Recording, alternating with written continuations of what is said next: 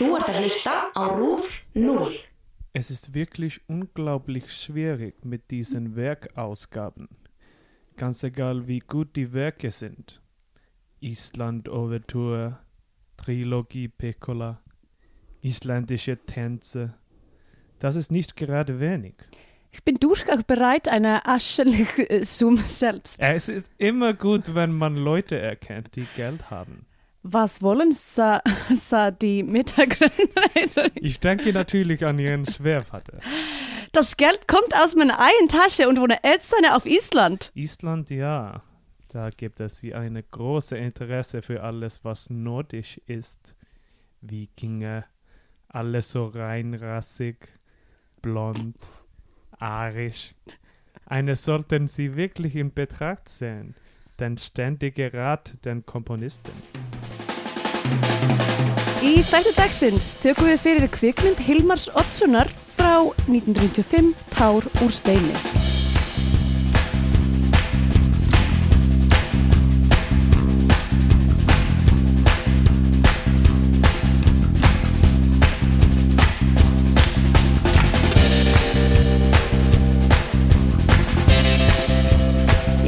Heil og sæl og velkomin í Bíó 2, hlaðvarpið um íslenska kvikmyndir.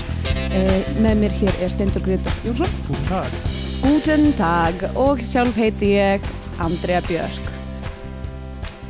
Þú sér gott. Bara ágætt, um, eða svona ágætt miða við. Ég er náttúrulega í uh, líkamlegu uh, frjálsu falli þar sem að ég var að byrja á túr bara fyrir tveimur klukkutímum og er líka með mýgrunni sem Já. er, er tengt því Ok. og er á öllum livjónum til þess að halda mig gangandi í gegnum daginn en svona hérna bara einmitt núna það sem er í gangi núna inn í leginu mínu er svona svipað og þarna páskaegja berserkurinn í hagkaupum, ertu búin að sjá það Nei, ég er myndband? ekki búin að sjá það. það er alltaf brjálið sko Það er- ok, það, er sem sagt að- það er maður á öryggismynditöku eða hvort það sé ykkur að taka upp á síma sem að kemur inn í hagkaup í örygga pottet eðistorgi af öllum, skeif, öllum hérna, hagkaupum á Íslandi þá er, Ekki skeifunni það sem eimdir er. jú, jú, reyndar en ég menna eðistorga samt líka það er alveg töluverið ymt þar Já. Já. svona yfirgefin svona útkverfa svona gum, svona eins og, sko, eins og hérna Garðatorg og Smáratorg Eðistorg, allt sem heitir torg í rauninni, svona þegar ég hugsaði það. Lækjatorg. sem er, búið, búið að víkja fyrir svona þú veist, það voru eitthvað tíman einhverju flottir kjarnar þar en, en eru núna bara eitthvað svona ein hárgræslistofa um, og kannski e, Já, mjög skrítið að eðistorki síðast þegar ég var þar alltaf af því að þetta er rétt hjá mömmu hérna, það er sko það sem sjálf torgið er sko sem er rosalega stórt og eitthvað svona já, trópíst já, trópist mm og það, það er rosalega lítið í gangi þar og það er, jú það alltaf sé ekki þú veist um, uh, fatarhinsun og einn svona júbi búð Júbi er farin, er júbi farin á Já. eðistorki? Ok, sorglegt. Fólk saknar Júbi sko, ég hef hert fólki í landinu segja það.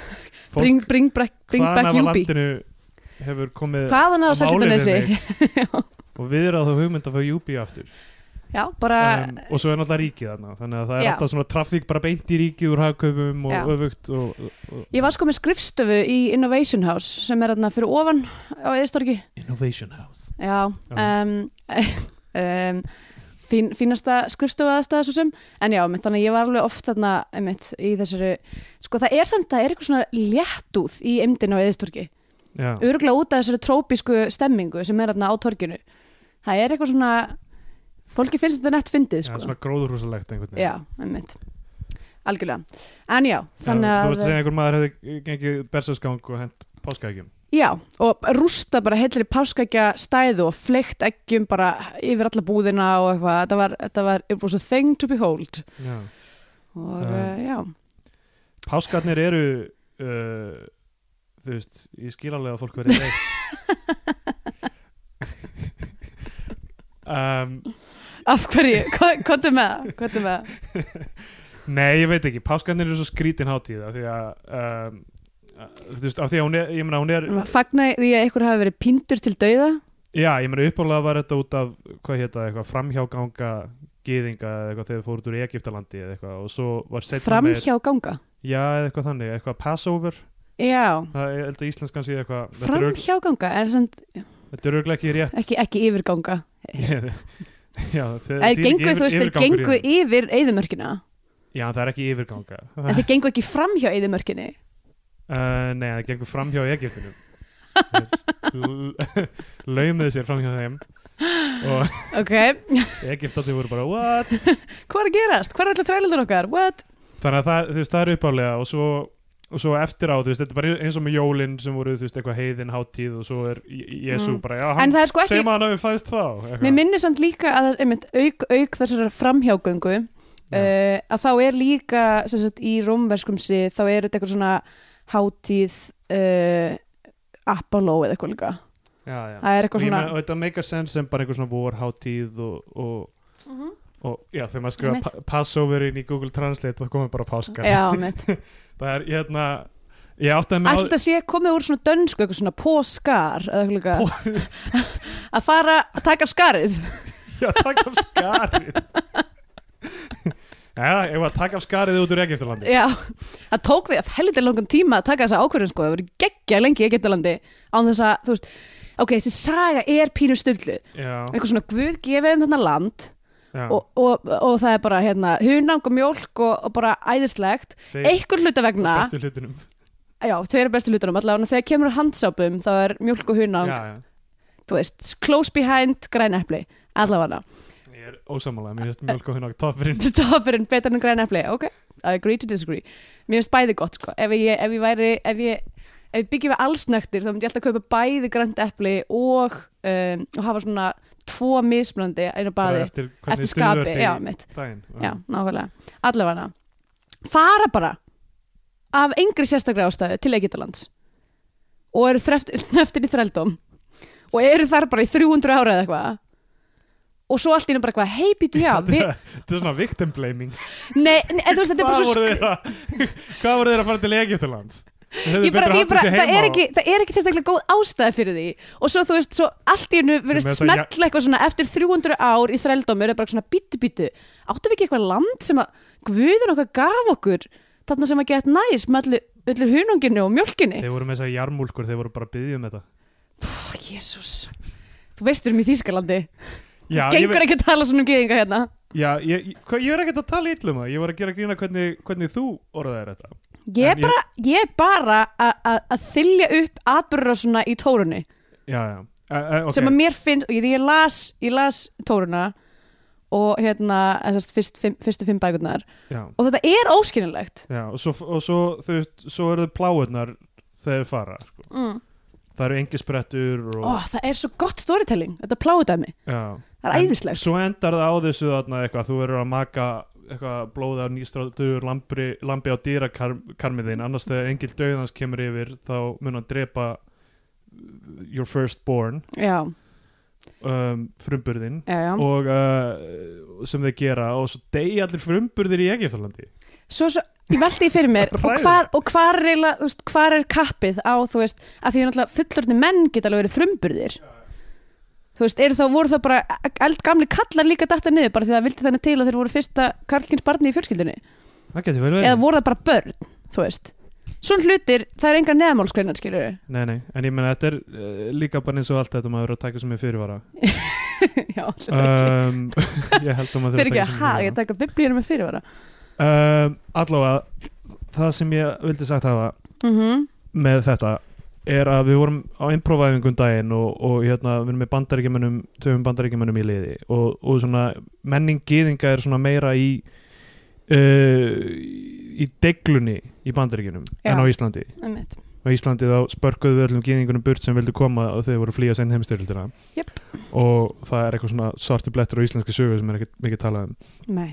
Um, en, en og þá var hérna, þú veist, af því að einn var að leika, þú veist einn í senunni var að leika gýðing og að segja fullt af svona hlutum sem sem sem hérna að, já, tengjast og það var eitthvað svona ah, welcome to the Seydar and uh, we will have the bar mitzvah. Og var eitthvað svona að telja upp bara svona on top of his head og, og ég var eitthvað svona, vá, ég veit ekki nógu mikið um, þú veist, af því ég, ég var alveg, þú veist ég horfi á Transparent til dæmis sem er svona, það er rosalega mikið eitthvað, ah, the Seydar og það er Yom Kippur núna. Og, mm. mm, og ég bara eitthvað, ég veit ekki hvað neitt af þessu er.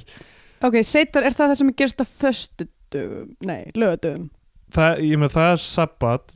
Já, og nei, það- já, sabbat er lögadögum en er seitar er það sem kemur fyrir sabbat? Ég veit það ekki. Ég hef ekki hugmynd ég, já, ég er ekki alveg að, við þurfum að hérna, taka smá svona ræ, ræða þetta við, við, við, við vinn okkar sem eru geðingar ég held samt að enginn af þeim er að svona, þú veist, er trúalegu geðingur nei, af þessum krökkum sem eru í, í improsininu hérna. Nei, líklega ekki. Nei, Um, finnum það ekki bara Wikipedia? hvernig byrjuðu að tala um þetta? Páskaegin Já, já, páskar, emmitt uh, já, já, já, ég var reyna ég var reyna að útskýra þetta væri svona þú veist, þetta er uh, hátíð sem hefur mist svona einhverja jartengingu allavega. Um, og, og þú veist hún, þú veist, fólk er eitthvað svona, hey, hvað er málið með þessi, þessi páskakaninu og súkulaði, ég meina, tengist það Jésu eitthvað? Nei, það tengist því sem þetta var upprunalega, þetta er Mhm. vor og frjósemi og eitthvað þannig.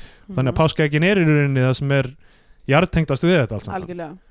Já, um, hitt dæmið er bara eitthvað way out there, kæftaði og að fagna því að einhver maður hafi verið drepin mjög hróttalega já uh, fyrst, sko þetta gerist rosalega hratt hjá Jésu, fyrst hann kemur hann kemur á asnanum þarna á playing it fast and loose. hann kemur á pálmasunnudegi þarna á asnanum. Já, og svo bara á fimmtudeginum nokkrum dögum setna bara síðasta kvöldmáltíðin. Mhm. Fyrir og honum bara kvöldmáltíð Jésu, hann vissi, hann vissi þetta samt Vissi Jes- já, hann segir eitthvað við Júdas, þú mynd svíka mig. Ok. Og, en og var hann vissan alveg að hann myndi aldrei fá aftur kvöldmátt heldur að hafa a- allan tíma verið bara, ú bói ég, ég ætla að þarf njóta að þess að borða þetta verið vel. síðasta máltíð mín. Hvað borða þessu gata þegar hann veit að hann er ekki að fara að fá að borða aftur? Um, en, Mm, en allavega. sko uh, já, og svo bara daginn eftir er hann crossfestur.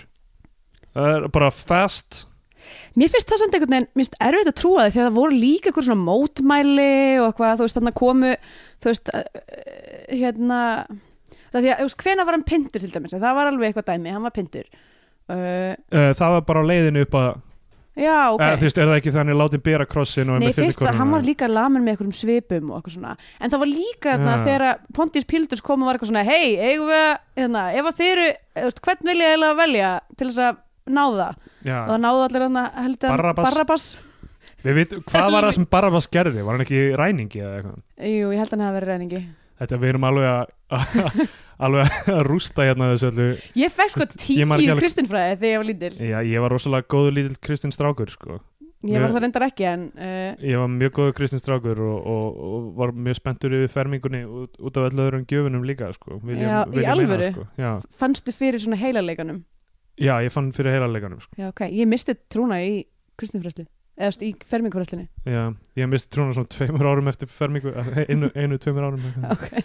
Ok, uh, en, uh, en já, ok og svo er hann, svo er hann crossfestur bara beint eftir. Þú veist, þetta gerir svo svolítið margt og ég meina, er það ekki þegar hann er þeir eru komnir upp á Golgata þar sem hann býður valkostin eða, Já, veit ekki, það er rosa mikið aksjón að þessum Já, ég veit einum það. degi Og samt einhvern veginn náði Mel Gibson að gera umulega myndum það. Ég sá hann aldrei, var hann umlega bara algjört eitthvað Það var bara eitthvað svona, sár, svona Þetta var bara svona torturporn eiginlega. Já, já, ég get ímyndið mér að hann sé það.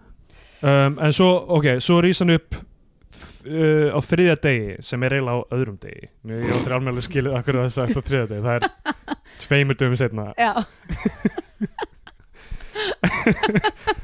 Ok þú veist, ef þú telur tíma eins og venjuleg manneska gerir það, þú veist, Já, hann byrjar ekki að líða, þú segir ekki það er liðin einn dagur síðan ég hérna vaknaði núna, síðan ég vaknaði í morgun. Ég skilði, já, já, einmitt. Veist, þetta, það er fyrsti dagur. Þriðji degi frá því að atbyrra sem byrjaði En öðrum degi frá því að hann dó. Já, þriðja degi frá því atbrúra sem byrjaði en, en það er á þrið, þriðja degi frá, ég held að ég meina það með á þriðja degi síðan hann, að því að fyrsti dagurinn var dagurinn sem var crossfestur, annar Já. dagurinn var laugadagurinn, Já, þriðji dagurinn en, en já, já ég, skil, ég skil hvað það við hljómar eins- þú veist, það er hljómar eins og þessi er einn að þröngva heilagri tölu inn í þetta dæmi. Já, algjörlega bara, er já, en það voru samt eiginlega þrýr dagar. tveimur dögum setna sko. Um, og svo átta ég mig ekki alveg á hvað hann er að gera fram að hérna, uppstigningadegi nei, hann er heldur bara eitthvað Eftir því þarna hann kemur og sýnir sárin sín og Tómas efast og, og En hérna það er miklu setna sko að því að þriði degi þá, stígur, þá koma gælundan í Já. hellin og hann er ekki í hellinum og hann er bara eitthvað síðan eitthvað svo er hann bara AWOL í svolítið tíma. Hann er bara making sense of it já, og svona fara svona neyra strönd svona grípa svona lúka af sandi og eitthvað what does it all mean? Fara út á höfnunni láta hlaupa í gegnum svona dúf, dúfna hérna ger byrðu þetta er Seinfeld og já ok og svo stýgur hann upp til himna og svo er kvítusunnan nokkrum dögum setna þegar þeir voru allir á sveppum eða eitthvað lærisvegandir og byrjuðu að tala einhverju tala tungum, já. Og eitthvað bla bla bla og allir bara eitthvað þetta lítur að vera þú veist arameiska nei þeir, þeir, töluðu arameisku fyrir. Já, já. nei þetta lítur að vera eitthvað uh, egífska uh, og var þetta ekki bara eitthvað bull? Jú, jú en þú veist pælingi með að tala tungum var þessi stopnum kirkjunar þeir einhvern veginn byrja að geta búrið út fagnareyðinni víðar en til þeir já, sem tala bara arameisku Ég ætla að það eru feitt að það verið þannig að allt í hennu svona byrjaði að því þú veist, þeir eru alveg nokkur skilur að hver og einn hefur bara fengið allt í nýtt tungumál. Já, að þannig að þeir eru að vita eitthvað svona að ég á að fara þangað. Já og svo, svo fær einhver eitthvað tungumál í einhverju þú veist ömulegu köldu landi eitthvað eins og Íslandi eitthvað, Svíþjóð. Það var ekki komin eitt velferðarík í Svíþjóð á þessum tíma Nei, það er rétt, það var ekkert í gangi Svíþjóð á þessum tíma. Íslenska var náttúrulega ekki komin að þú veist, að, ég meina íslenska var til sem einhver frumnorræna en, og það, það var ekkert fólk á Íslandi Á þessum tímpundi? Nei, nei, nei. Nei, nei, ég meina hún var bara svona frumnorræna. Nei, en ekki, ekki það er ekki fyrir setna sko sem að norræna er til. Er- að þessum tímpundi held ég bara germanska sem er svona proto norræna er sem sagt heldur að, ég, byrju, á þessum 800 árum þar til farið til Íslands frá þessu frá þessum tímpundi hafið bara þetta allt orðið til? Nei, ég reyndar, ég er ekki alveg viss. Ég er ekki alveg viss. En uh, Jú, jú, allavega. ég menna það Já, já, allavega, skiptir ekki máli þetta, þú veist, þetta er svo fyndið þú veist, það, svo er ekki hægt að googla allt sem við vorum að segja núna. Og Já, það er eitthvað allt, svona allt alla, það er alltaf eitthvað svona pínu rangt við það Já, einmitt. En þú veist, ég hef alltaf hugsað þetta sko Því að mér finnst það svo mikið Ég var náttúrulega einhvern tímann með svona sögugöngu í Reykjavík um, Þegar ég var í skapandi sögumarstörum Og þar var ég alltaf að reyna að gera þetta mjög fyndið allt saman uh, að því að ég, veist, ég vildi að því að mér fannst svo vikinga shit er svo leiðilegt mér fannst það svo pyrrandi að allir svona sögugöngur í Reykjavík var alltaf eitthvað svona vikingar þetta, vikingar heitt bara, eitthvað, sorry, það voru aldrei vikingar á Íslandi. Það er algjör mýta. Það voru bara bændur sem voru stundum reyðir og Já. uh, en samt sem aður, þetta voru bara bændur. Og hérna, en ég var samt alveg mér langaði svo mikið að sanna að það var samt óslega mikið að finna stöffi sem gerðist í sögunni. Þannig að ég var alltaf svona að reyna að mála hlutina á komískan hátt eins og bara þú veist, hundadagarnir eru sprengklæðir hérna hundadagarnir er ekki notaði nógu mikið mér finnst að þetta búið til bíómynd sko, það þetta er hilarious dót sko. það er búið búið til ókslega mikið að skemmtulegum bókum um, um, um jörund og bara hundadagarna sjálfa og og það er svo mikið að finna sittið þarna inn í. Eins og bara eitthvað, hann var vist alltaf eitthvað svona, með eitthvað svona byssu á sér og var alltaf bara svona veifenni spinnan er svona á vísifingri. Þá er ég alveg þetta frásögn frá prestinum í Hafnafyrði sem kom eitthvað svona til þess að augrónum að því að hann vildi ekki, hann var eitthvað að reyna í nafni konungs að gera eitthvað. Og það, hann skrifar það bara í, í bara dagbúkinu sína eitthvað þú veist og hann eitthvað held á framhleypu og veifaði henni til og frá eitthvað svona, var bara með eitthvað dólg Heldur að vera eitthvað, ó, ó, finnst þér að ég ekki vera konungur? Uh, Vini mínir Smith og Wesson er ekki sammálaðir Já, nákvæmlega. Líka bara gæinn sem stendur á bakvið þetta allt saman er einhver breskur sápukaupmaður.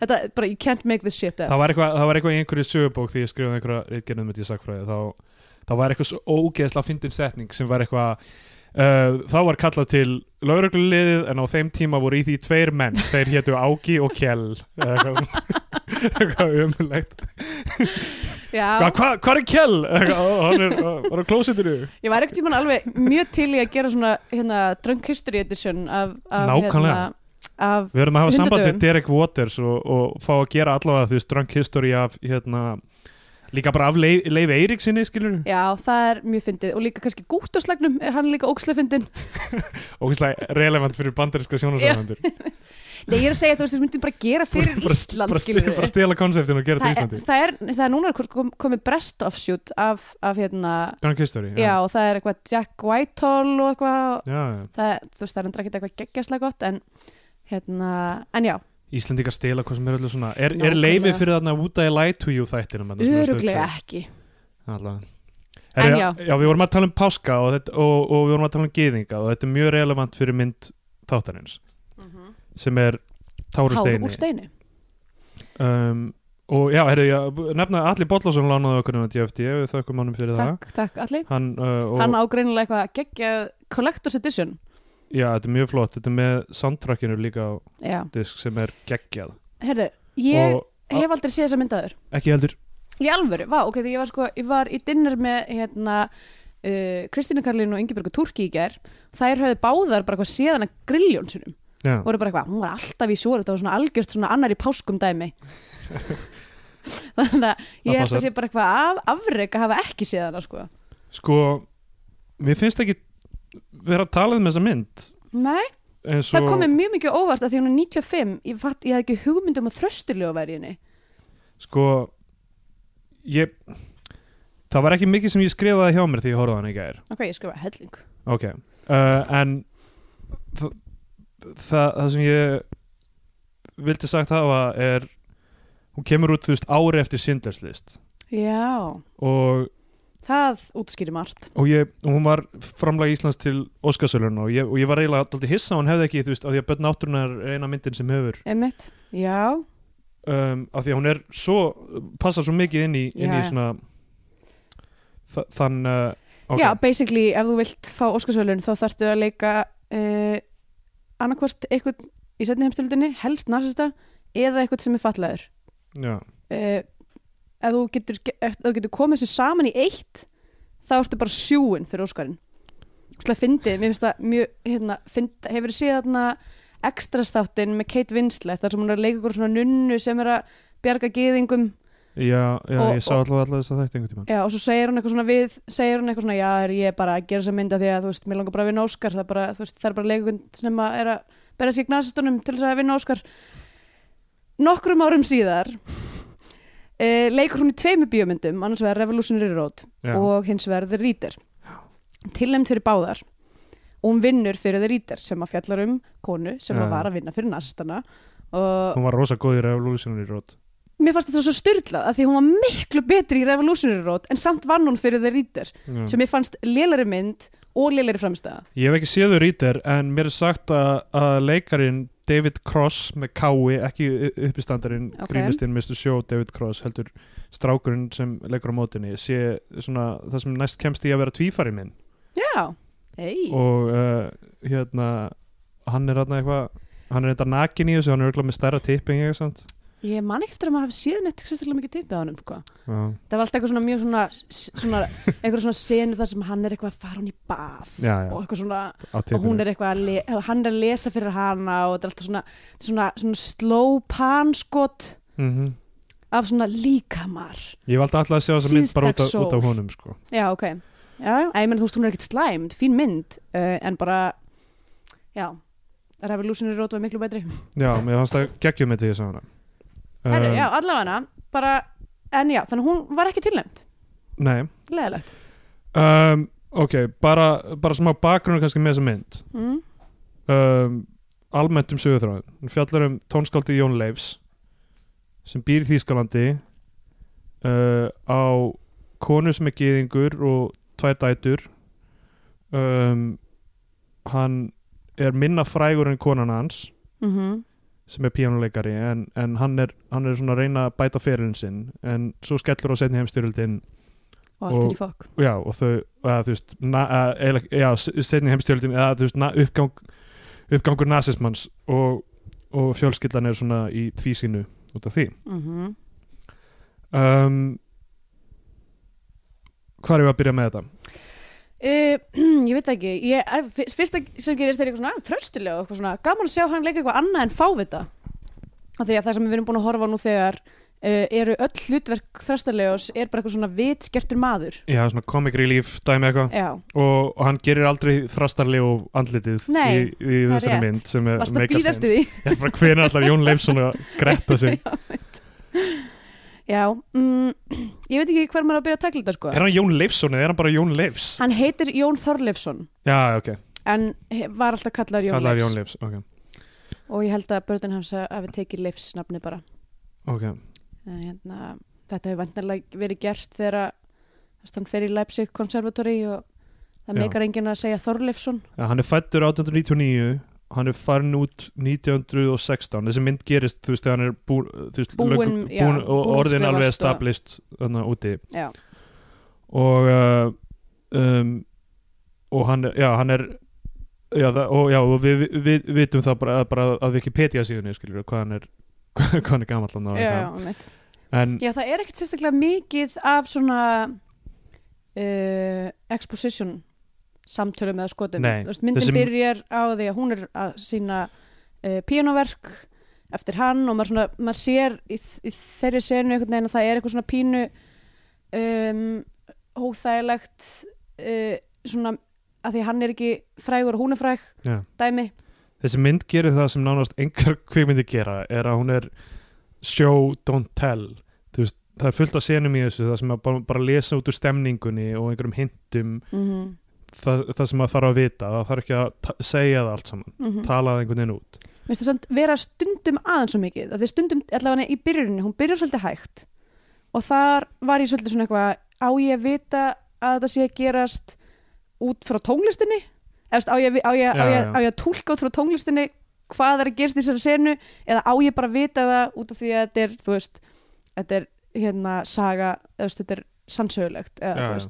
þannig að ég var stundum pínu tínd en, en svo setna þú veist, þegar líður á myndina þá fara þessar senur sem eru svona sjótuntæl fara að virka miklu betur og, veginn, uh, og verða mjög sterkar. Eins og bara þegar hann hérna uh, þegar hún er að brenna sjópinnótunar já, af því að það er ekki bóði lengur í Þísklandi nei, um, ok, leitt þú okkur áfram í þessu því ég skrifaði að ekkert hjá mér Já, ok. Uh, ég, svona, svona, sko, sko, út frá nótunum mínum þá hérna, fyr- fyrst kemur svona gaman að sjá þröstli og ekki vera að fá þetta. Svo kemur þar þessi kynlífsina að vera svona löng. Uh, þetta er ekki alveg, þetta er ekki kronologist þessar nótur hérna, sko.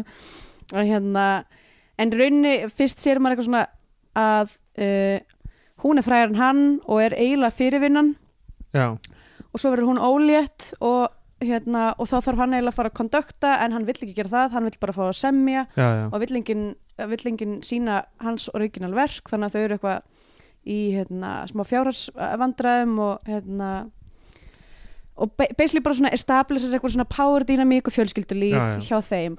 Og svo svona hægt og rólega fer maður að sjá svona upp, upp hérna gang nazismans þú veist það byrjar bara með eitthvað svona Það pappi mjög, þæ, mjög svona þægilega svona hægt og rólega sett inn Einmitt, með litlum breytingum. uh, ég held að fyrsta kommentið sé í rauninni bara þegar pappinar, pappinar og mamma kom í heimsókn og þau eru gýðingar náttúrulega já, rosalega vel leikinn.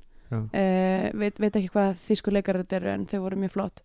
Um, uh, og hann er eitthvað svona já þú veist eitthvað hann keifti handa henni, hann, handa henni eitthvað flýil og var eitthvað svona já geggja ég geti nota peningana mína á meðan að þú veist, á meðan ég get það maður veit aldrei hvað gerist með þessa bölvuðu nasista eitthvað ná. svo heldur þetta bara svona áfram hægt og rólega Svo er bara þessi sena sem við lásum í byrjun á þýsku sem var mjög gaman, af því að þessi mynd er uh, megninu til á þýsku. Já, einmitt.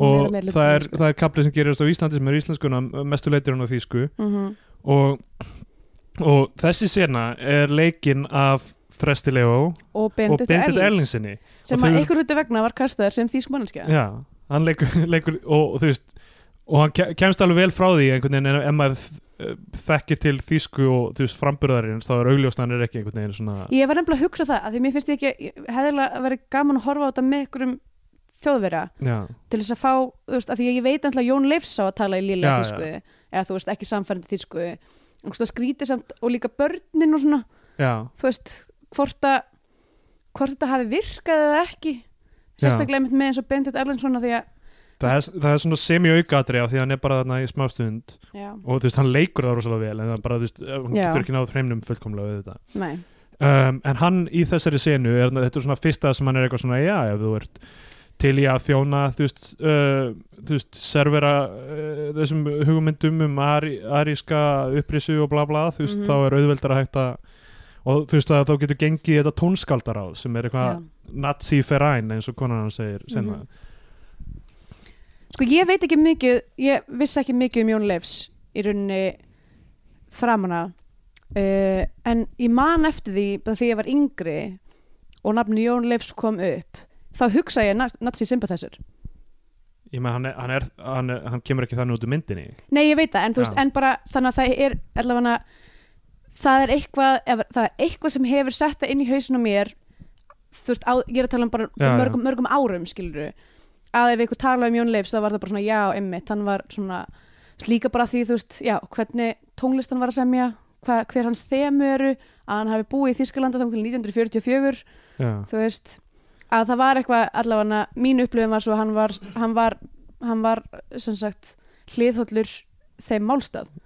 Ég vissi ekkert að hann Þú ætti ert að draga það svo miklar álíktanir Nei, ég, ég, ég, ég bara segja að því að hann talar um eitthvað svona ég hef fórnað orðspori mínu í, á einum tímpunkt í myndinu þar sem hann er búin að gera eitthvað fyrir bara til þess að fá ræsipassi uh, þá er hann búin að gera eitthvað fyrir þú veist, hérna, nasistastjórnina sem að, þú veist, stimplar hann sem nasista. Já, og það hefur greinilega, hann hefur greinilega tapað orðspori sínu.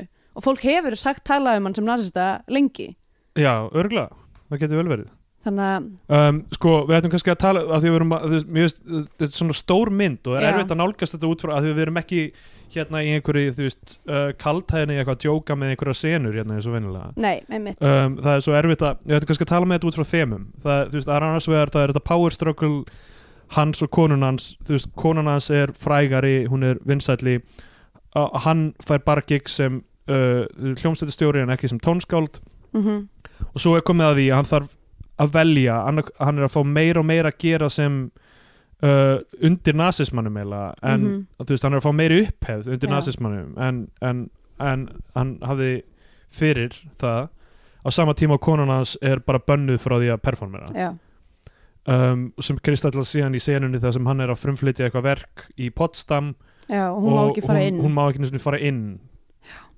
Og sem er mjög stert Mhm. um, og svo er svo er hérna svo er það bara þú veist hvað, hvað er hann tilbúin að um, fórna þessu hve- hvenær er hann tilbúin að fórna þessu til, fyrir öryggi fjölskeldunar Mhm. og meðan konan hans er líka að ströggla við bara ég ætla ekki að yfirgefa Þý- Þýskalanda því þetta er heimili mitt. Og, veist, og ég er landlaus án þess án þess að það sé sagt, þú veist, badnið segir það einu tíma einmitt. Leikir mjög vel að Bergþóra Aradóttur sem var líka í stikkfrí.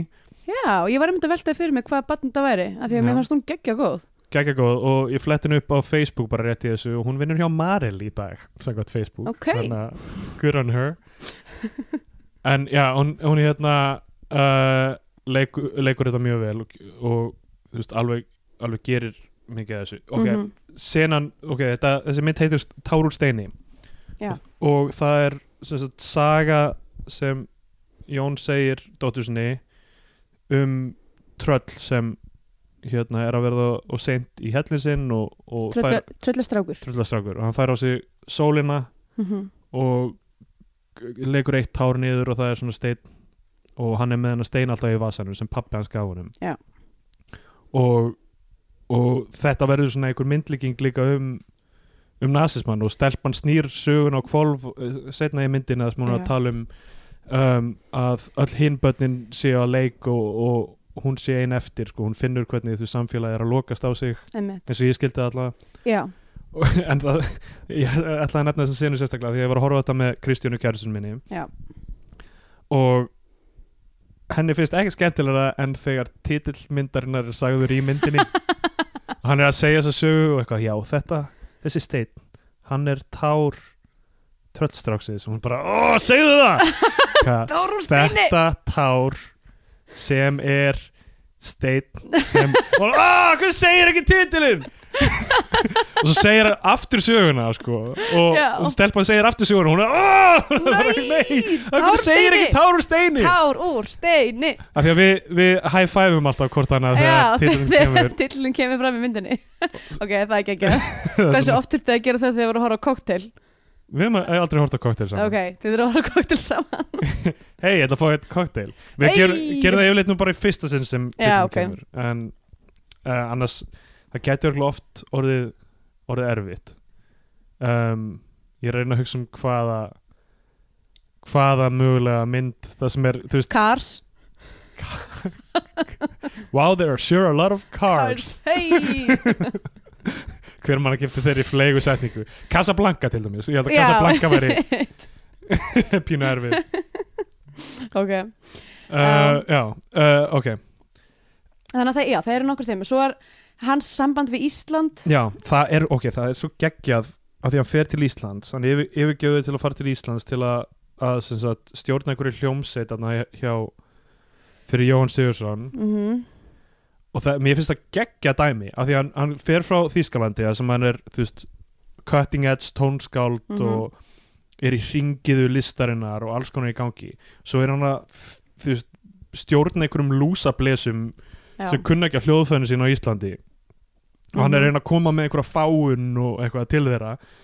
Og þeir eru bara ekki having it. Samt er þetta þú veist samt er þetta þú veist fólk sem ætti í raun að vera mestu lista pésar landsins þeir, þeir meika ekki neitt nýtt og framandi nei, og hann er bara hann bara gefst upp á þeim. Þetta er svo mikið classic Þetta- mér finnst þetta svo ógeðslega gott og lýsandi einhvern veginn. Alveg bara, já. Það þarf svo mikið alltaf einhvern veginn að veist, og við gerum alltaf rosalega mikla kröfu til okkar af því við erum bara veist, lítið samfélag og auðvitað er ekkert allir eitthvað, eitthvað cutting edge í allir, allir listkupin Uh, þannig við gerum alltaf mikla kröfur til okkar þannig séð en, en alltaf þegar einhverjum er að dröslast með einhverja nýja hugmynd til Íslands illa tekið það já það er bara svo erfitt eitthvað komin frá þú veist, komin af stað og eitthvað.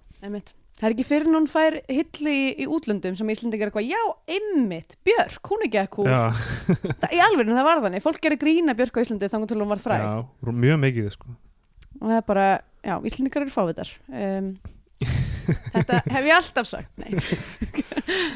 Allavega. já, og, og, og, og, þú veist, hver, þú veist leikararnir í, þetta er mjög gott leikararnir í, í hérna uh, hljómsveit, þetta er. Steinn Ármann þetta er uh, þetta er ekki Eggert Bjargmundsson og um, hérna Átni Pétur Guðjónsson Mm og já, Ellerta Ingemundsson er þarna líka þetta eru svona, þú veist, þeir eru svona goofy looking bara með þessi hljóðfæri einhvern veginn, þú veist, með að hann er búin að vera með einhverjum, þú veist, fólki í fí- fínum kjólum og, og þú veist, kjólfötum. Einmitt.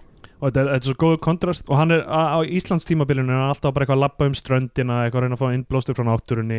Mm og þetta er eiginlega held ég í fyrsta sinn sem ég virkilega finnst íslensk náttúra koma vel út úr íslensku kvikmynd sem við höfum hort á í, í þessari Já, er það, finnst þér það? minni mig, ég er að reyna að hugsa tilbaka en, en mér finnst bara þarna að þú veist uh, svona hversu vægðalaus hún er og, og, Mhm.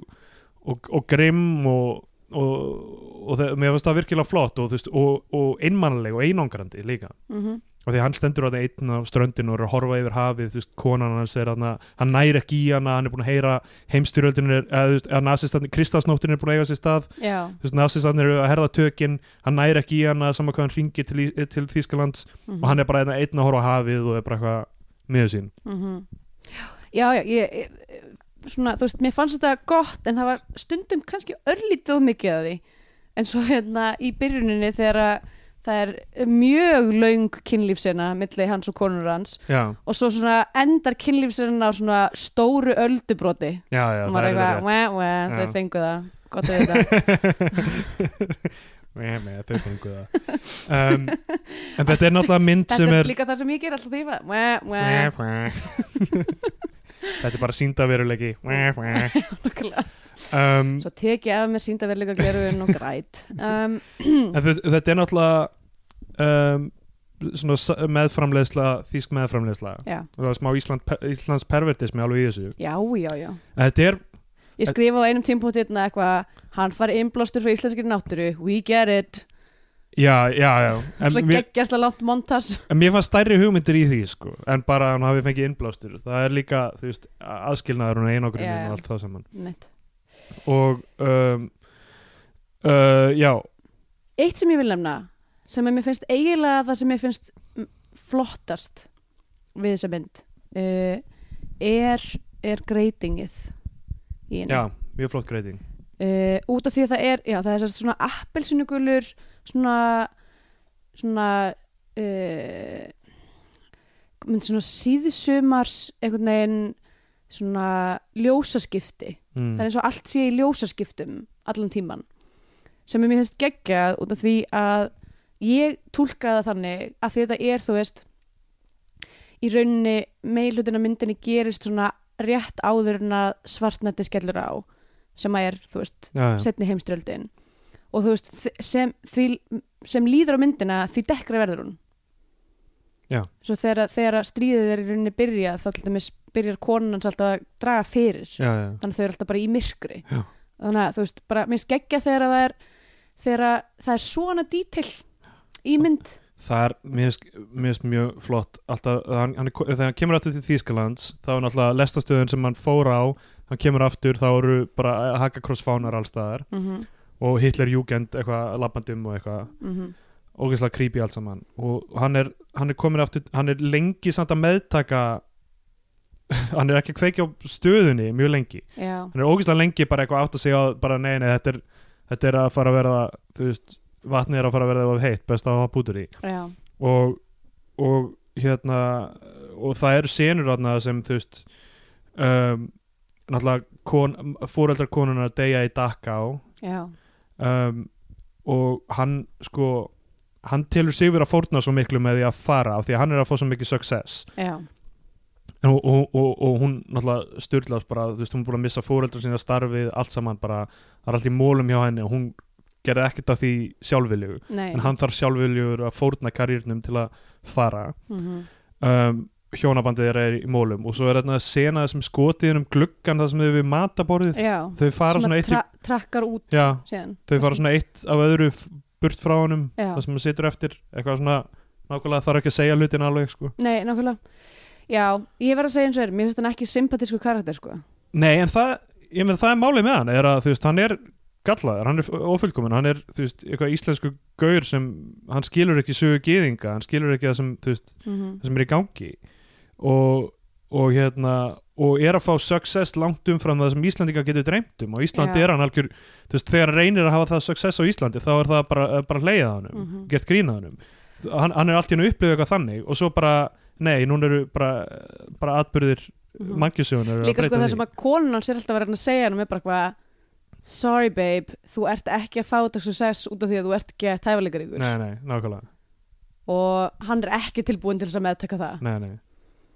En þú veist, Hann, á, já, hann átti að segja á því, nei, þú ert íslenskur það þykir fínt og þú ert ekki, ekki gýðingur, þú ert að gera tónlist í alveg, ákveðinni- alveg classic ákveðinni hefð. svona, þetta er alveg svona classic male privilege dæmi bara Já, eitthvað, þú veist, hann er að synda með strömmnum og heldur hann sig gett góð sundmaður. Já, já, uh, hann átti sig ekki að strömmurinn er að bera hann lengra en á, hann kemst í rauninni. Nákvæmlega og ég meina, ég er ekkert viss um hann svo sem á endanum gerir sér grein fyrir því og endanum er það, þú veist er það forrættið þegar hann sem kom hann úr landinu og Mhm. þú veist, við sjáum hvernig konan hans tekur í því þegar hann loksins kemur með passana að bara, þú veist og, ég meina, já, auðvitað gæti hann rettaði með að, þú veist með að vera íslendingur, tala við þú veist, Mhm. þennan nasista vinn þeirra þarna í áráðusmálaráðunitinu Já. sem er leikinn af Ulrik Túkur sem uh, er alveg mjög accomplished leikar hann leik í Solaris eftir Soderberg Já, ok, og Das Lebender Anderen já.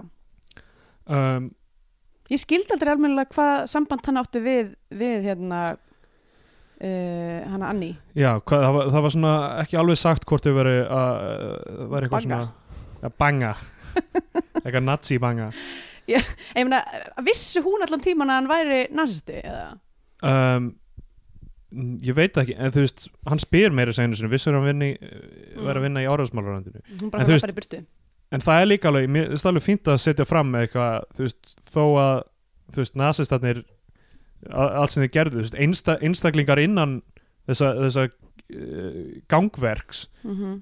gátti alveg haft eigin skoðanir og gátti alveg, ef þú veist, þó þetta hafi verið algjör fræntikli hjá honum, Já, já þá vildi hann, þú veist, hjálpa einhverju fólki þarna. Hann gerði það samt ekki fyrir fyrir hana Jón Leifs var búin að fara og gera þessa útvarstilkynningu þarna, Já, já. eða áróður Og ég meina, og, þa og það sem hann gerir rauninni, Jón Leifs er að hann, hann bara, þú veist, hann, fyrst fer hann til að fá peninga til að hjálpa fjölskyldinu, er að ganga í þetta ráð, tónskaldaráð, mm. og svo leitar hann þarna til nasistans og svo, og svo gerir hann þessa útvarstilkynningu til Íslendinga eitthvað um að þeir eiga að berjast gegn breyturum Mm -hmm.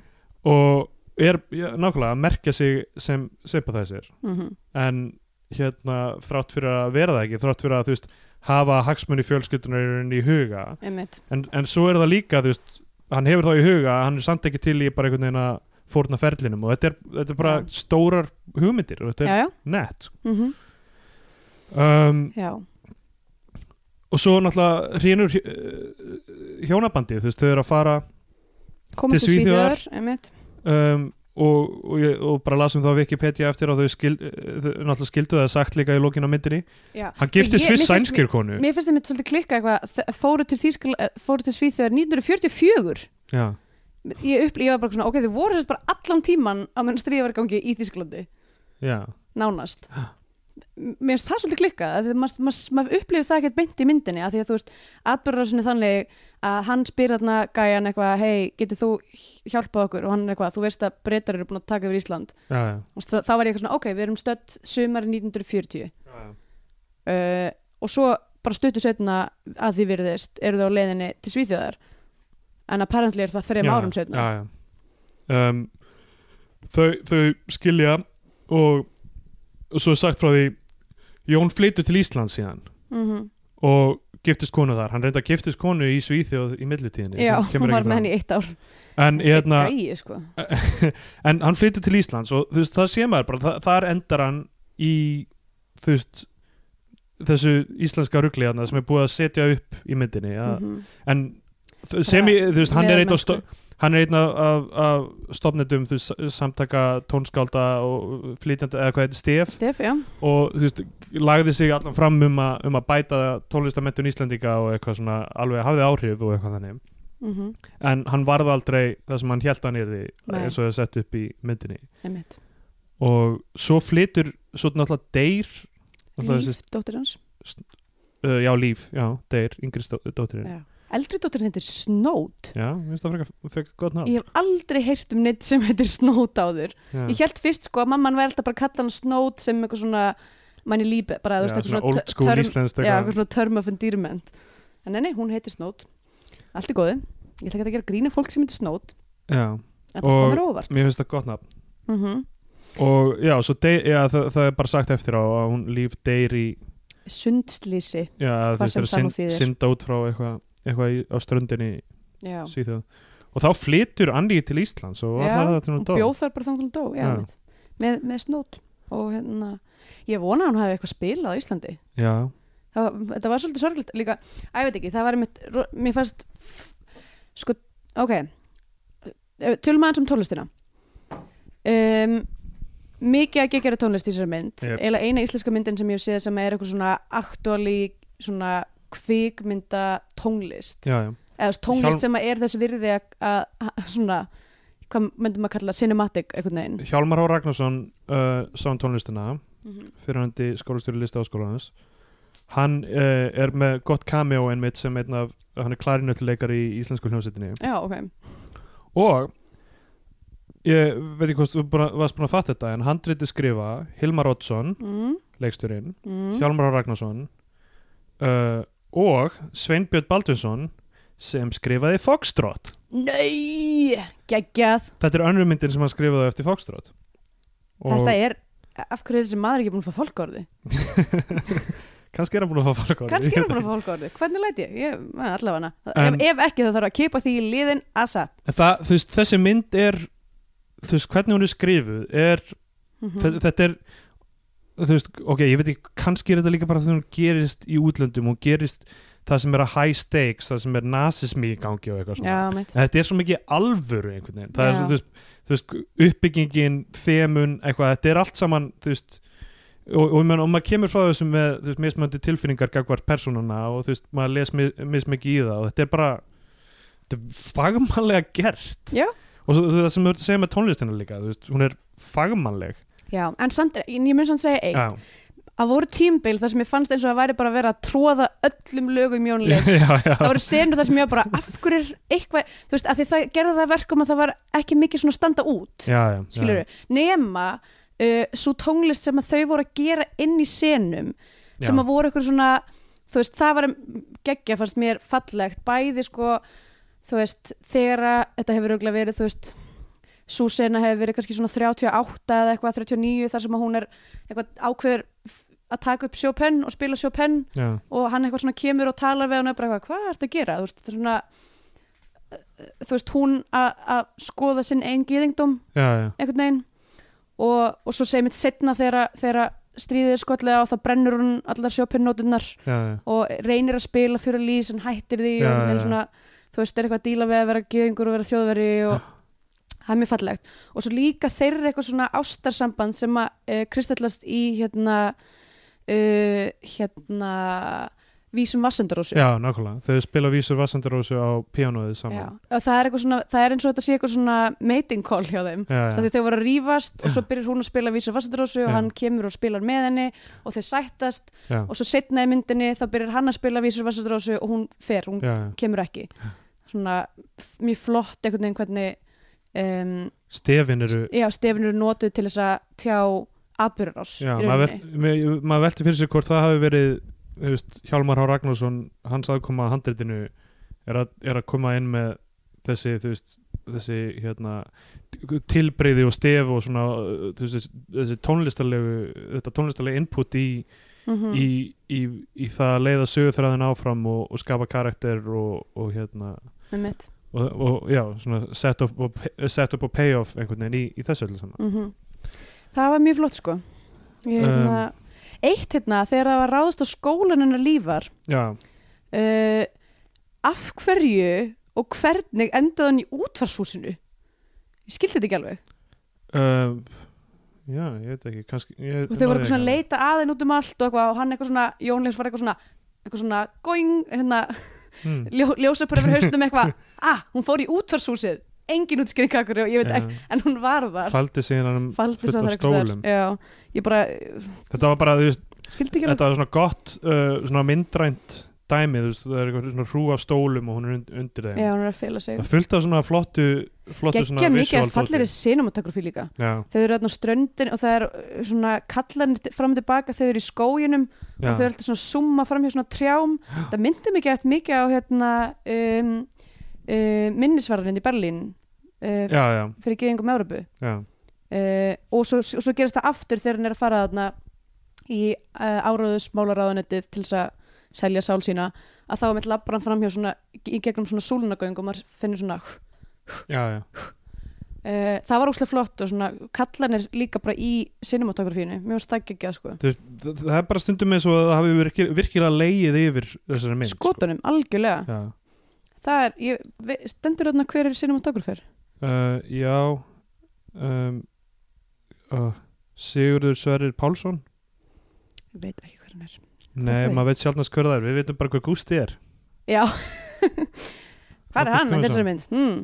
já, um, ok, svo er hann á Íslandi um, hann fyrir tvísu til Íslands eða ekki um, Er hann bara eitt skipti á Er hann ekki bara einu sinni á Íslandi? Hann er Mm. einu sinni á Íslandi. Ok, allavega þegar hann er alveg að fara er að pakka og lappar inn í einhverja kirkju. Já, og Jói Sigur að spila spila eitthvað verk eftir hann. Já, sko, hvað er, er ég að missa af einhverju með orgel?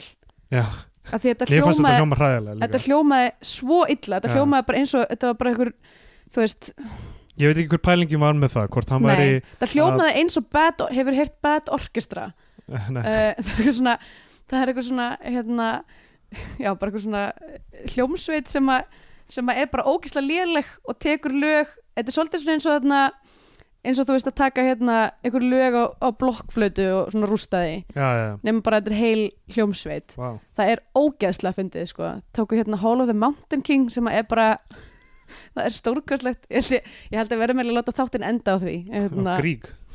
Já, eða, nei, bara á þessu bad orchestra dæmi, það er hilarious. Um, En já, ég skil ekki orgel ég skil ekki að hverju fólki finnst af hverju er þetta í kirkjum, svona heilu um stað? Orgel geta alveg verið flott ef vel geta- Já, þau eru alltaf svona menacing og hávær Já. og svona yfirþyrmandi. Ég og Jóni aldrei vorum að tala um þetta um daginn að hérna um, sko að, að því að við förum og hlustum á techno og techno er þú veist menacing og það er þú veist tension í því og, og það, það, þú veist líðaninn er ekki eitthvað, eitthvað svona endilega eitthvað svona þæ, þægindi að velja það er Nei. svona það er svona það er drungi yfir því Mhm. hvort, þú veist, fólki hef ekki liðið þannig þegar það fórum mitt inn í kirkju í gamla daga, þú veist og fyrir tíma hljómflutningstækja og eitthvað svona, Já. fyrir inn í kirkju og heyrir það rosa háfaða Mhm. og þú veist, það er bara hérna furðuleg tónbil í gangi og eitthvað svona mm bara svona skeri dæmi eiginlega, Já, þannig að, þannig að í rauninni orgelin heyra til þess tíma þar sem að trú átt að vekja mann hræðslu en ekki, ekki eitthvað svona, þú veist, að því að það sem ég upplifi þegar fyrir kirkjur er skýrn eða brúðkaup Já, eða jarðaför allt stundir sem eiga að vera hugljúvar og mér Akkur, akkur er ekki hræðileg skýr finnst svona gett skeri skýrn. Bara velkomin hérna á jörðina þetta verður þrautaganga fyrir þig. Oh my god. En þannig að ég, ég tengi ekkert við það að hafa, þú veist, minnst orgel bara einhvern veginn já make a sense yfir einhverju þú veist, undir einhverju, einhverju svona dómstagsmessu vissulega, mm en já, eiginlega kannski börn síns tíma, ég veit það ekki. Já, Já. Ég vissum að það er einhver svona, herðu, fuck, það er eitt, eitt geggja Mm. oh, eitt myndband, ég verði að setja þetta á, á Facebookið okkar, það var einhver svona er einhver svona eitthvað, eitthvað, the bad boy of organ music, eða eitthvað einhver svona gaur sem er eitthvað svona enfant terrible. Já, eitthvað enfant terrible orgel heimsins, þetta er hilarious ég verði að vera að minna að setja það. Ok, það er ekki hægt að lýsa sig, ég ætla bara að skella þú þessu á verður bara Facebook. skellið sinn ok, ég hlakka til að sjá það. Hérna, ég, eitt, eitt að lokum síðasta nótan sem ég skrifaði um, er ok uh, það er erfitt að gera klassistónlist og á þessum tíma, þú veist hann hérna í rauninni gekk undir handbendi uh, djöfulsins. Eða þú veist ekki djöfulsins en bara veist hann gekk slæmra manna á vald um, til þess að gera þessa tónlist og ég held að það séu mörg dæmi fyrir þessu í klassísku sögu er að fólk bara svona þú veist, er með einhverja velgjörðamenn sem eru hræðilegir til, a, til að ná að gera þessa tónlist. Já, uh, nú í dag er Sinfoni hljómsveita Íslands uh, að meir hluta fjármögnuð af Gamma já, og mér fannst eitthvað svona, ég var eitthvað ætla sér að gera svona modern telling af þessari sögunum bara með Sinfoni hljómsveita Íslands og Gamma svona banna að spila njallan og hvenær myndi Symfóni hljómsið spila njallan? Af hverju ekki? Sko, Á það er eins og fólk hafi gleymt því sem gerðist hérna það er eins og fólk hafi gleymt því að hér var hrun. Hér var hrun. Uh, Nei, þú veist, bara árin fyrir hrun þegar var bara eitthvað svona, já, nú ætla landsbankin að borga bara fyrir listaháttíðu eitthvað og svo bara eitthvað, að, fyrsta lagi skattpeningarnir sem, sem ákveðin, ákveðin yðnaður á þessum tíma bankaðinaðurinn, mm nú ferðamanna yðnaðurinn uh, skattpeningarnir sem komin í koffortin og síðan þegar sá yðnaður fer þá, þá er það ekki eftir. Pluss það að það er búið að bara einhvern veginn taka einhverja hluti af, af, af fjárlögum með einhverjum hætti að þú veist, treysta á engaðala já, nákvæmlega Eftir, Þannig að það er í ofanálag. þetta grefur undan í rauninni. Já, fyrir utan minni, minni skattekjur þá, uh, þá er kannski bara búið að treysta á aukaframlag frá, frá engaðalum til að til að halda upp í listum. Ég svona velti því fyrir mér hvort að fólki í symfóníuljónstinni megi vera hérna vókal með Það er ekki söngvarar í symfóníuljónsinu, það er ekkert vókal sko. va, va uh, eða þú veist megi vera bara þú veist kampina gegn gamma til dæmis Já, ég er bara svona, ég bara svona velta fyrir mér að því að, veist, að því að það er augljóst að fólk var ekki sérstaklega mikið að taka eftir þessum tíma. Nei, nei. Uh, en þú veist, en núna horfum maður á þetta bara svona, damn, djúvill var klikkað hann var eitthvað að vinna með nasistunum til þess að fá að gera tónlist, það er bara styrlað Og fjárfestingafastingnafélagi Gamma er nasistar. nýfrálsíkju dríslar eru nasistar uh, okkar tíma ég stend við þessa skoður mína. Þetta er mín björgvöst skoður mín. Og við myndum ekki kvika frá henni. Ó nei, um, Eitt sem ég langaði að nefna að við erum að lengja þetta á mikið en það er rosalega eh, nett þegar hérna, Jón Leifs er full yfir hvernig íslenska hljómsið stóð sig og er kvarta í Jó sig. Mm -hmm. eitthvað æpa á hann eitthvað inn í MR og tekur sprotan sinn hérna já, hann grípur sprotan eins og fleygir svona honum í- mía sæ Já. hérna já, þetta er eins og Jói sig grípur hann bara eins og eins og hérna, já, einmitt uh, Miyagi, Mr. Miyagi, Mr. Miyagi. Ég er næstu búin að segja Miyasaki Miya, þeir sem er allt Já. annar maður Mr. Miyagi Já, mjög nett uh, já, ég Skandin, skildi samt ekki alveg hver ástæðan fyrir því var. Þetta var bara flott visual dæmi. Eða þú veist, var það planað eða bara óvart greipan ég held, ég að hann hafi ekki eins og gripan ég held að þegar var klift þá hafi hann þegar verið með hann í höndinu og svona klift hann fram. okay. En ef að vinda okkur í Scandinavian Pain Index. Já, heyrðu, mér finnst gaman frá því að segja að þessi mynd er með ansi mikið af þannig elementum þrátt fyrir að gerast ekki á Íslandi að mestu parti og með fáum Íslandingum í. Já, en það er samt af mörgu að taka.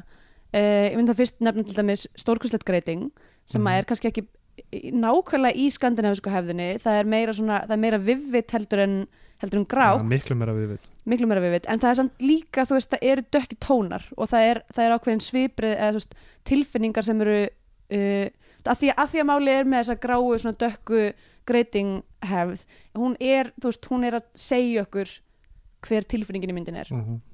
Þannig að þú veist það er ákveði element af því þarna. Um, og svo náttúrulega er bara þú veist uh, já, hjónaband sem dettur í sundur uh, þú veist það er barn, barn deyr. Já, byrju já, það var Nei, bara í, eftir að myndin er búin. Já, já, ég, ég var svolítið ringlu sko með þarna þegar þau eignust bad það var líf. Já, ég held í mjög langan tíma í myndin að það væri þrjúböld já, já. en, uh, en svo var ekki allavega já og þú veist, já, svona mitt uh, barn sem er ósætt með skilna fóreldra sinna uh, fjárhagskrakkar um, já. er svona ímistlegt allavega en kannski, já, kannski ekki alveg í hefðinni, hvað finnst þér? Nei, mér mér finnst þetta ekki alveg, alveg í hefðinni sko. Ég myndi ekki setja það hátt á skalan, skalan Nei, sko. um, en ég er svona að velta fyrir mig hvort ég sé að gleyma ykkur, ég er náttúrulega íslensk vanhæfni Já, að það er á Algjörlega. Íslandi það er, það er töluvert mikið af því. Það er hann róni hjá, hjá geysi sem er eitthvað blindfullur já, já, í einhverjum stormi. Uh, Íslensk náttúr að spila stort hlutverk það er náttúrulega algjört steipul um, þannig að það er svona nokkur hlutir. Ég veit ekki, mér finnst þetta svona falli kannski, uh, kannski miðju eða aðeins neðar á skalanum. En, en alls ekki, alls ekki hérna, miða við að myndin gerst að mestuleiti í útlöndum og mestuleiti með erlendum leikurum þá finnst mér það töluvert mikið svona miða við. Já. en ég held að ég myndi þá segja um, uh, fjórir af fjórar af tíu uh, umulögum hljómsveitum umulögum symfóniljómsveitum Ég segi einn af fjórum ísköldum snæfið þögtum íslenskum hestum. Ég hef alveg rétt, það var eitthvað að gefa hestunum brauð á okkur tímpil hestur sem að bara allur út í snjó. Óður þetta brauð líka. Mm. ég var hrættum að það myndi vera betri í hendina. Her, þá er komið að þeim uh, tímabútið það sem við annarkort gefum myndinni sess á flagskipi íslenska kvikmynda og þá fær hún íslenska fánan? Mm -hmm. eða við mælum með því að, að hlustendur horfi frekar á einhverja bandariska Hollywood vellu og þá fær hún bandariska bjánan. Já. og uh, maður bjóður að byrja? Já. Um, Ég veit ekki hvort það er einfallega sögusviðið og um, það rosalega sem er í húfi í þessari mynd uh, Gýðingar undir járnhæl nazisma um, uh, ferill og frægð versus um, það þurfa að flýja sitt land eða flýja sitt uh, hérna um, heimili.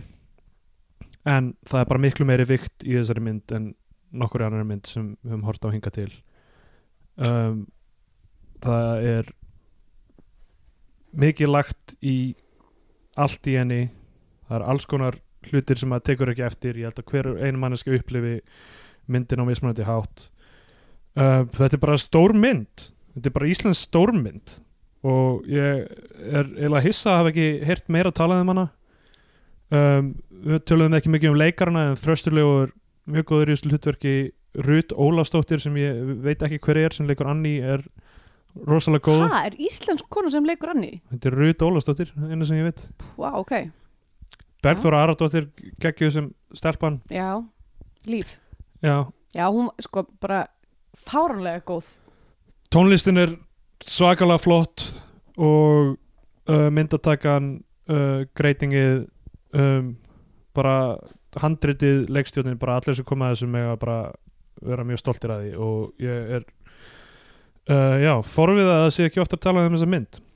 Já, hún, Ég- hvað sinni? nei, alltaf fram. Já, hún er og ég, þe- þetta er kannski svona hluta því sem ég var að segja þú veist, í, í síðasta þætti með þú veist, að um, íslenska myndir taki ekki nógu mikið svona big swings taki ekki áhættur, það sé ekki djarf, djarf, djarf frásögn og mikið í húfi Mhm. fólk er eitthvað feimið oft við að, að því að það er allt svo lástemt einhvern veginn á Íslandi, fólk er feimið við að láta hlutina virkilega skipta máli í myndunum Mhm. og kannski auðveldar það svona mikið að hún gerist erlendis og hún gerist í stórum uh, stærstu atbyrðum marginsögunar um mörgur leiti um, kannski er það það sem auðveldar það og hérna en óhað því þá fær þessi mynd íslenska fánan og, og ég bara mæli með því allir sjá í Táru Steini og ég einhvern veginn uh, já ég er svona uh, veit ekki hvort hún fer jafnvel í stabn flagskipsins. Já, hún er allavega mjög framalega Já, þú veist erfitt að segja Foxtrot sé eitthvað betri mynd en þetta. Nei, ég var ég búin að segja Fúsi væri það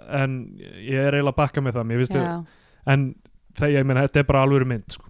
Þær eru náttúrulega, sko, Fúsi Táru Steini og Foxtrot eru allar mjög mismöndi myndir. Já, það er rétt. Því veist, það er kannski erfitt að setja eitthvað svona eina mynd í stafnin af því þetta er náttúrulega ekki hægt að bera það saman. Já, það er kannski líka bara ósangjart að vera einhvern veginn að þú veist, það er nógu basically- ósangjart að við sem að flokka myndir eins og við gerum. Já, já, einmitt. en þær eru kannski þarna þrjár bara svona eins og, eins og Kate Winslet og Leonardo DiCaprio í stafnunum bara þrjú. Já, mennur í Revolutionary Road. Nei, ég veit að Nei. meina Titanic.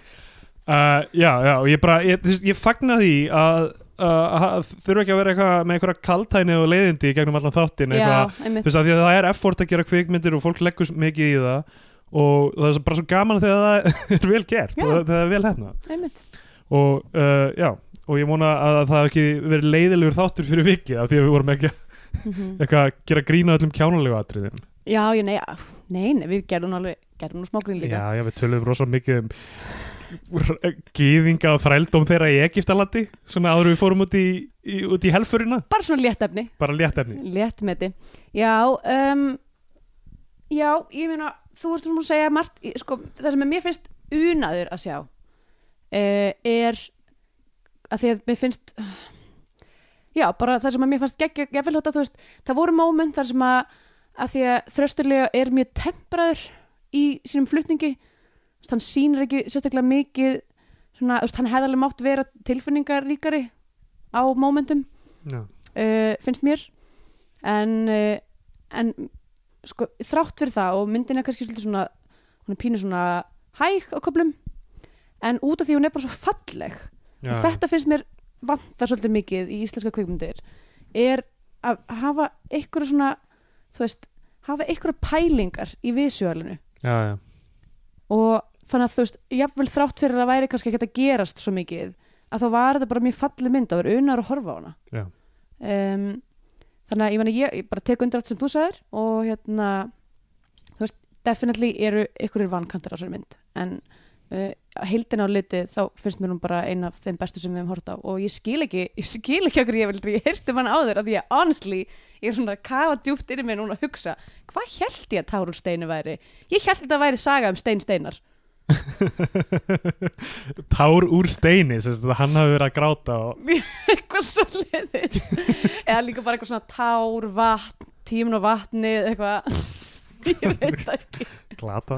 Ég hafði náttúrulega bara aldrei ég vissi ekki, ég vissi ekki að þrösturlega væri í henni ég vissi ekki að hún gerast í Þýskalandi ég vissi ekki neitt ég, um vissi, ég vissi ekki að hún snerist um nasismann ég bara vissi að þetta er myndin um Jón Leifs. Já, ok, en ég vissi ekki um hana og ég skil ekki hvernig þetta hefur farið fram í mér allan tíma en kannski bara því að að ég veit ekki, þegar fólk talar um, ok, það var náttúrulega gerð þarna um daginn meingölluð könnun um bestu kvikmyndir Íslandsögunar hjá Já, DFF að, að um algjört bull þessu könnun. Fyrsta lagi, Foxtrot var ekki valmöguleiki. Öðru lagi, þú veist Stella í Orlofi og Sótum að Reykjavík voru þarna bara toppa listan Áttu ekki eftir að sjá Steli Jólfi? jú, jú, eða þú veist, ég er bara að segja þú veist, ég man ekki eins og til þess að Tár Steini hafi verið á lista. Já, ég, ég veit ekki hvort það var hvorki Foxtrot nýja Tár Steini Ok, við skulum fletta því upp. En áttu ekki eftir að segja hvort þessi mynd fær íslenska jú, jú, fánan? hún fær náttúrulega, hún fær náttúrulega klárlega íslenska fánan. Já, um, og bara, já hendin er bara þarna líka í stafnun sko. Já, mér finnst hún bara mjög flott. Og, og líka bara, æfði ekki, þetta er bara svo velkomin tilbreyting já, já. við allt hitt Ég er dótið búin að vera að horfa á dálítið svona léttvægar myndir undanfarið. Já, um mitt Hefur þú um, endur með var Tárunstein er ekki á listanum Tárunstein, Þetta er náttúrulega bara fáránlegur listi. Lalli Jones eftir Þorfinn Guðnason hins vegar. Ok, er það ekki heimildamind? um. Lalla Jones. Ok, það- Sveitabrúðgöpur á listanum. Hættu nú. Hver gerði þennan lista? wow. Þetta er náttúrulega fáránlegt. Þetta, þetta er sannarlega eitthvað. Þetta er sannlega eitthvað. Um, Af þessu sögðu þá uh, þakkum við ykkur fyrir að hlusta. Já. um, Við mælum með því að þið sendið okkur endilega skilabóð annarkvort á Facebook á Bio2 síðuna eða á Twitter. Þar er ég at Steindor, Gr- nei, Steindor Jónsson. Ég er Já. at Steindor Jónsson núna, ég breytti Já, Já, getur, getur maður breytt maður getur breytt sínu? handlinu. Ok, Ég er at Steindor Jónsson af því að, að því ég er einhvern veginn að reyna að sætta mig við að vera erlendis og og Gretar er ekki Já, já, ég, þú veist, ég segi alltaf Steindor Jónsson bara til einföldunar einhvern veginn Mm. og fólk skilur Jónsson auðvitað. Já, ég er ekki komið svona og ég byrjar að tvíta eins og ennsku þetta er mjög skrítið allt saman Já, já betur hættur við að vera með annan account Já, já, ég bara hafði einn account sem er bara stundum tvita í íslensku, stundum ennsku þetta er auðvitað hræðilegt fyrir alla sem followa mig Nei, nei. og bara, Ég er sko pæli í þessu að því að núna er ég búin að búa í þremur mismöndi löndum á uh, þremur árum, nei fyrir ekki, fjórum, fjórum mismöndi löndum á þremur árum. Og sem sagt Íslandi, Bandaríkjunum, Svíþjóð og Þískalandi og ég er bara búin að eignast ógislega mikið af vinum sem tala ekki íslensku. Ömulegt fyrir þau að vera vinir mínir á Facebook já, og Twitter. Veist, en, ég- en, en á sama tíma finnst mér eitthvað svo asnalegt að byrja eitthvað svona að veist, að vera á samfélagsmiðlum á ennsku já, já, eða, eða hvað þá að vera með tvo statustöldaf í einum status, það er náttúrulega bara alveg já, það er vest en íslenski, íslenski Twitter er alltaf bara eitthvað Hú, hvað ananas og pítsu? Ah! eitthvað fucking circle jerk allan daginn. Eitthvað, "Ó, hvað ætlum við að tala um í dag? Á einhverju fake alvöru. Allavega, Já, að ég held að þú sést of mikið inn í góða Twitter. Góða þú Twitter? þarft að fara inn í úlinga Twitter hvað er unglinga Twitter? það er bara miklu skemmtilegra, það er að fólk bara making memes og hérna taking Já, names, taking names and Ég- making memes. Meme er groupthink sem ég eh, Já, þú ert alltaf mikill kapitalisti til þess að taka þátt í mýmum Ha? það er socialist, mým eru socialist Þau eru, þau eru ekki socialist, þau eru bara ófrumleg. Eða anarkist, kannski frekar. Hmm. að þið þróast Mm. bara í ykkur svona grúp þengi Já, já, ég held að við þurfum að tala um meme einhvern tímann já, almennilega. Já. ég er á móti, þú ert, nei ég er með og þú ert á móti. Já, Hey. tím, tí, þú ert tím meme, og þú ert tím, tím frumlegi heyrði, fuck you. Og einlægni líka, skilur já, ekki, sko, ekki- einlega, einlega kynnslóðin er svo sem er að gera mýmin. Er það hún einlæg? Já, fyrir það að gera nei, meme? nei, það er bara vill þannig til að einlega kynnslóðin er líka sem sem er að gera bestu mýmin. Hvað er einlæga kynsluðin? fólki sem er svona uh, 5 til 7 árum yngri en ég. Ég hef aldrei heyrt þetta aður ok, alltaf leið Einlæga kynsluðin? já, bara, þú veist, þau eru ekki þau eru ekki svona þau, þau ólust ekki upp við að horfa á 100 að Reykjavík. Og þau geta sagt hlutina eins og þeim finnst þeir vera. Ok, þetta er náttúrulega ég er að segja, þú ert ekki Ógeðslega skrítin pæling. En e, þú, þú ert bara ekki nóg mikið Ógeðslega skrítin pæling. Hvað? að, að, wow, ok. Erum við þurfum að fara yfir þetta einhvern tímann? Já, já, hvað er alltaf einlæga kynsluðin er ok, ok, ég skal bara, hérna, ég skrifa ég veist bara svo fyndið að vera að gefa kynsluðum einhverjum svona eiginleika. Það er bara, þú veist, það kjaftaði sko. ég veit það, en þú veist, þú veist þegar það er eitthvað svona ákveðin eitthvað ákveðið sætgæst að þá er, þú veist, það hjálpar að setja nafn á það. Það þý, þýðir ekki allir á okkurum aldrei séu á einhvern einn hátt. Það þýðir bara að það er eitthvað, þú veist, eins og bara með þú veist, fríðanippul og þú veist, er svona, þú veist, Já, hluti sem þetta að er samt einmitt öfugt við þú veist það sem er talað um að hafi verið sko þessi, þessi 4chan Trump tenging sem, sem er oft verið að tala um það sem fólk stiður Trump út af því að það er vill ekki gefa neitt af sér gefa, neitt veikleika af sér sko. ég, ég veit ekki hvað það er hvað, já, ok, förum við verið einhvern en við þetta, er- þetta er ekkert skemmtilegt svona í lók þáttar nei, herði, en ú, það er samt eitt mér langar að, eða ég veit ekki hvort að já, já, ok bara að við erum að fara til Íslands Herri já, emmitt, við erum að fara að sína á Improv festivalin á Íslandi 5. til 10. F, nei, apríl. 7. til 9. 5. til 10. 5. til 10. 5. til 10. apríl, endilega kaupið miða þegar til Great Grandkids er held okkar að við séum að sína á Já, við erum lögadegi líklega að sína á laugardeginum þannig að, uh, já, endilega Ef þið vil sjá okkur gera improv þá verðum við á Íslandi já, Ok. alright, heyrðum, Herru, segjum það Takk fyrir, bye bye